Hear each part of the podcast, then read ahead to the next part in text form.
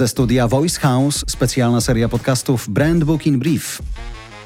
Prowadzicie wizytówki Google? Jeśli wasz sklep, kafejka czy salon urody pojawiają się w mapach Google, już dziś uzupełnijcie swój profil o linki do mediów społecznościowych. Internetowy gigant zrobił duży ukłon w stronę platform społecznościowych. Wasz Instagram, Facebook, LinkedIn, X, Pinterest czy wreszcie YouTube mogą pojawić się od razu pod wynikiem wyszukiwania adresu lokalu. Instrukcje do aktualizacji wizytówki zostawiamy w opisie odcinka.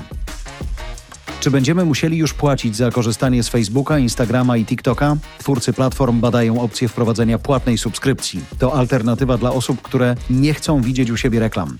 W odpowiedzi na zaostrzone przepisy Unii Europejskiej dotyczące ochrony danych osobowych, Meta zaproponowała niedawno nową opcję miesięcznej płatnej subskrypcji. Zero reklam dla Europejczyków, podaje The Wall Street Journal. W tym samym czasie TikTok bada własną ofertę wolną od sponsorowanych treści wideo. Nowa ustawa Unii Europejskiej ma chronić internautów przed śledzeniem i korzystaniem z ich zdjęć, zachowań czy nagrań przez reklamodawców. To znaczy, że przeglądając Instagrama możemy wyłączyć opcję zostawiania po sobie wirtualnych śladów. Co kliknęliśmy, co nam się podobało i na którym filmie zatrzymaliśmy się dłużej niż na 10 sekund.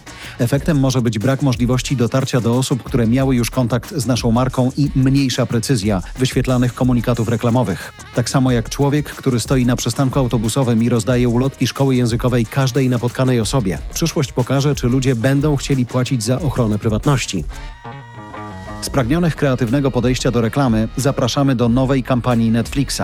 Na start ostatniego sezonu serialu Lupin na mieście pojawiły się plakaty do złudzenia przypominające banery ekskluzywnych marek Chanel, Rolex czy Tiffany.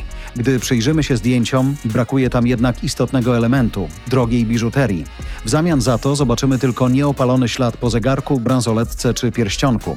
To nawiązanie do historii złodzieja dżentelmena, który obmyśla zemstę na zamożnej rodzinie. Zachowana jest estetyka i jakość komunikacji marki premium, bez zbędnych haseł. Klasa sama w sobie. Polecamy zajrzeć do opisu odcinka.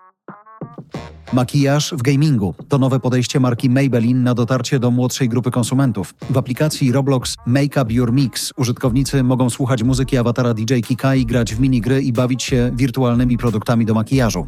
Można na przykład używać tuszu do rzęs do malowania graffiti, a najbardziej kreatywni gracze zdobywają w konkursach prawdziwe produkty.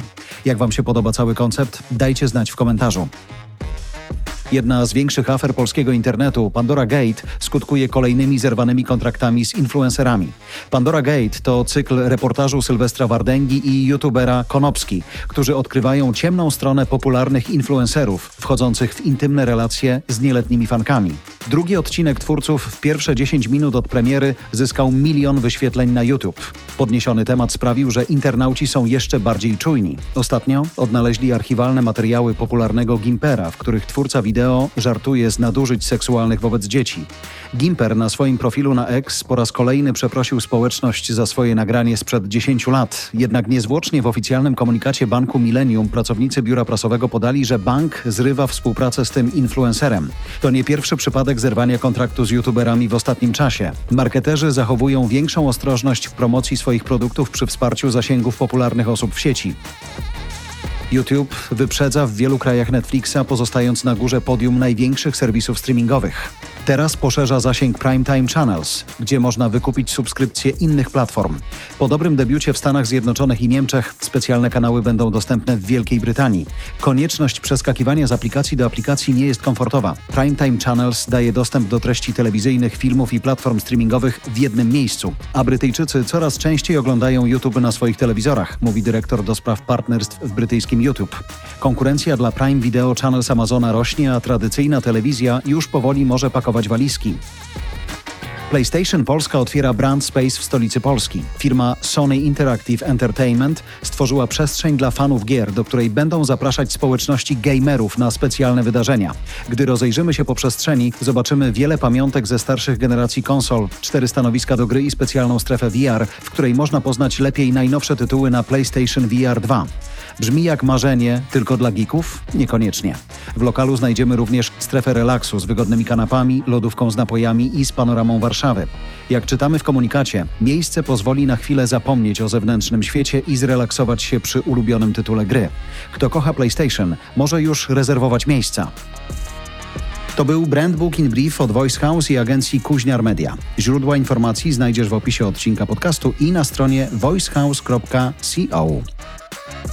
Kierownictwo produkcji Olga Michałowska. Redakcja Dominika Wołk. Realizacja i dystrybucja Kasia Harbar. Dźwięk Kamil Sołdacki. Redaktor naczelny Voice House Jarosław Kuźniar.